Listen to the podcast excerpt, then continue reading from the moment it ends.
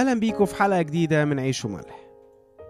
كملنا آخر مرة رحلة إيليا في الصحراء وهروبه من تهديد إيزابيل بالقتل.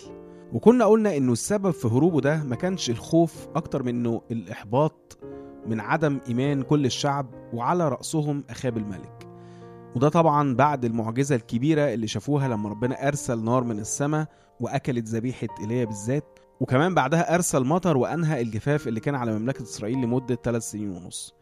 بس كل ده ما كانش كفاية إن كل الشعب يؤمن. مع إنهم مسكوا الأنبياء بتوع البعل وقتلوهم بس برضو الموضوع ما وصلش إن هم يطردوا كل معالم العبادات الغريبة دي من أرضهم.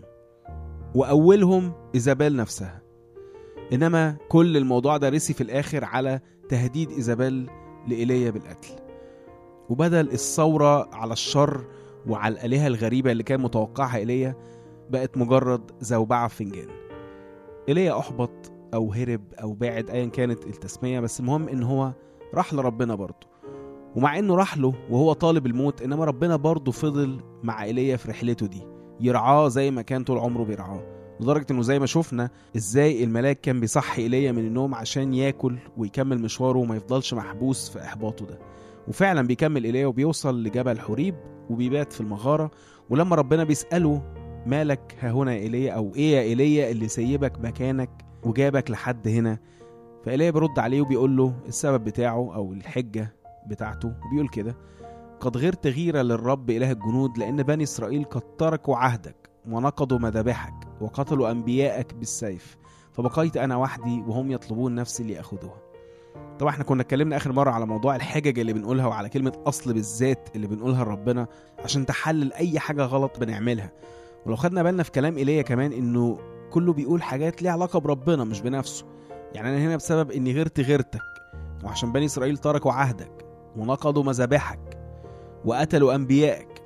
بس في الآخر بيبان بقى السبب الحقيقي ورا كلامه إن هو أنا بقيت لوحدي وكلهم عايزين يقتلوني. يا ترى ربنا هيكون إيه رأيه بقى في كلام إيليا ده؟ خلونا نكمل ونشوف.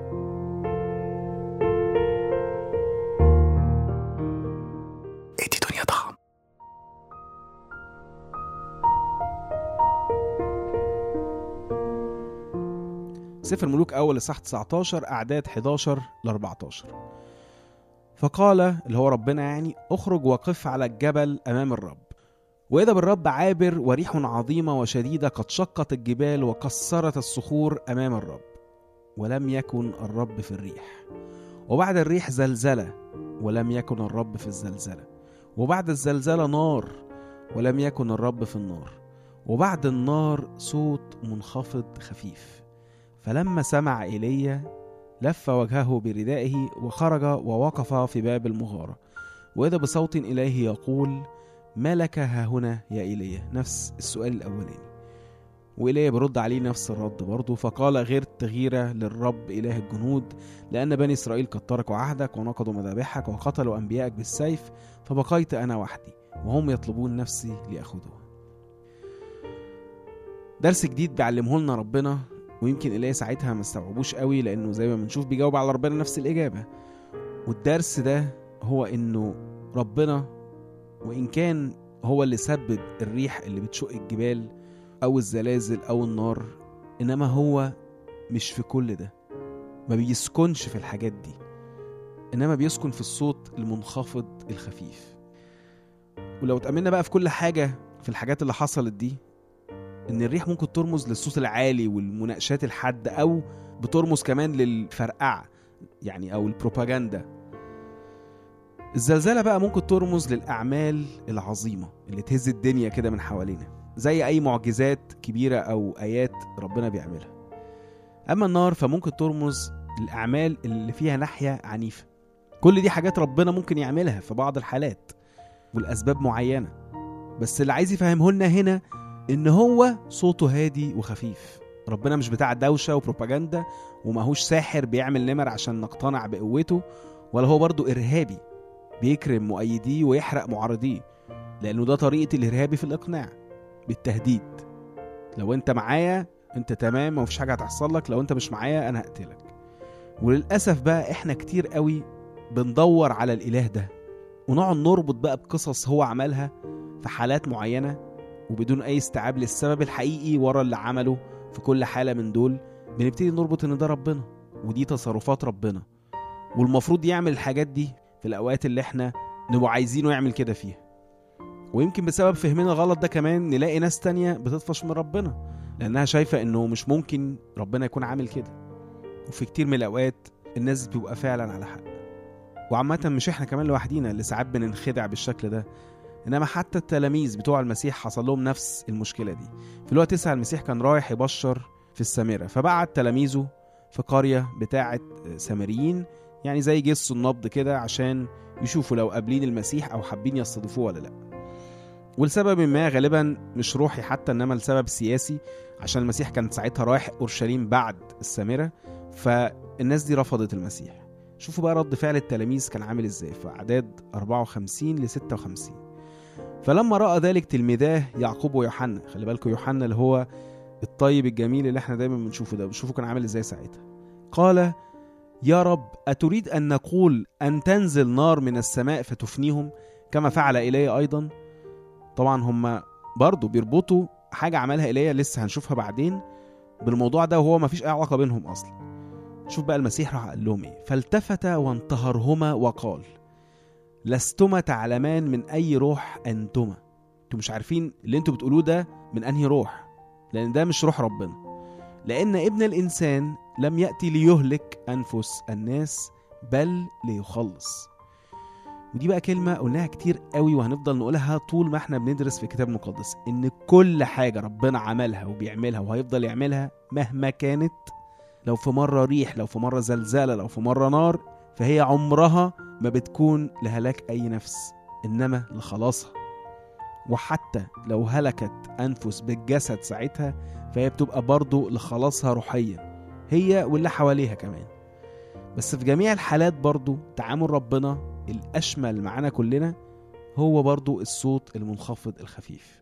عارفين ليه بقى؟ إنه غير بقى إن ربنا وديع وإن ده تعامله أصلا إنما كمان هو لأنه بيخاطب كل واحد فينا لوحده وبطريقته. والصوت الواطي ده كل واحد فينا بس هو اللي هيقدر يسمعه. فحتى لو حصل إن كان في آيات عظيمة ربنا عملها برضه من غير الصوت الخفيف ده القلب مش هيآمن. العقل أو العين ممكن ينبهروا شوية بس ولا الريح ولا الزلزال ولا النار ما هيصنعوا إيمان ابدا. هو ده بقى روح ربنا اللي المفروض نكون منه. واللي ما كانش فاهمه إيليا ولا تلاميذ يسوع في الوقت ده.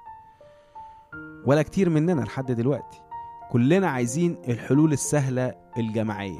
يا ريت يحصل حاجة وكل الناس دي تآمن. أو لو مش هتآمن إن كل الناس دي تروح في داهية. مش مهم.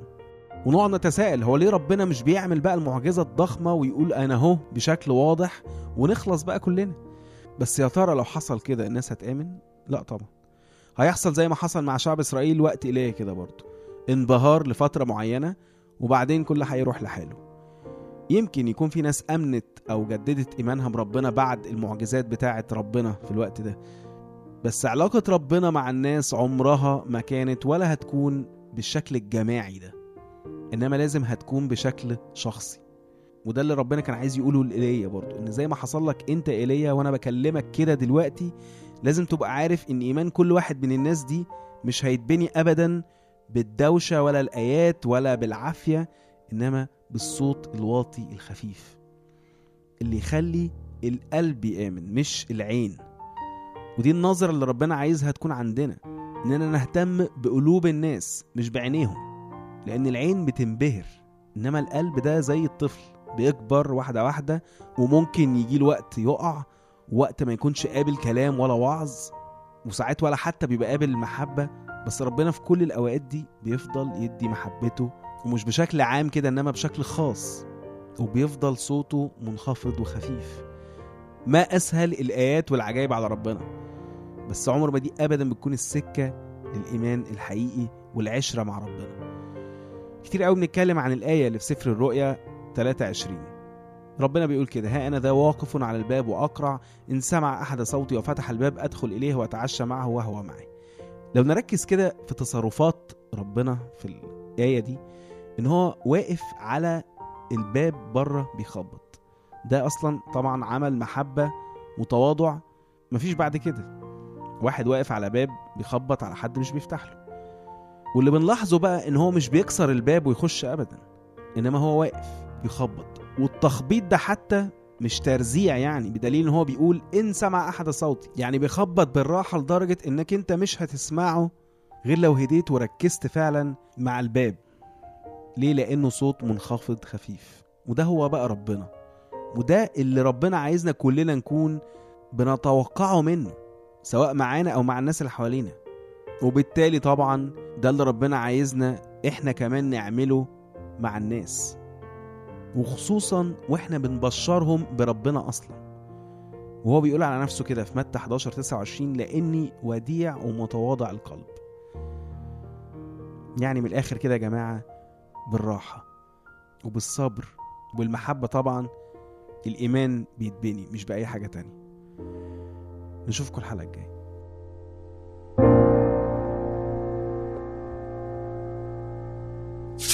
راديو ملاح. editoriata.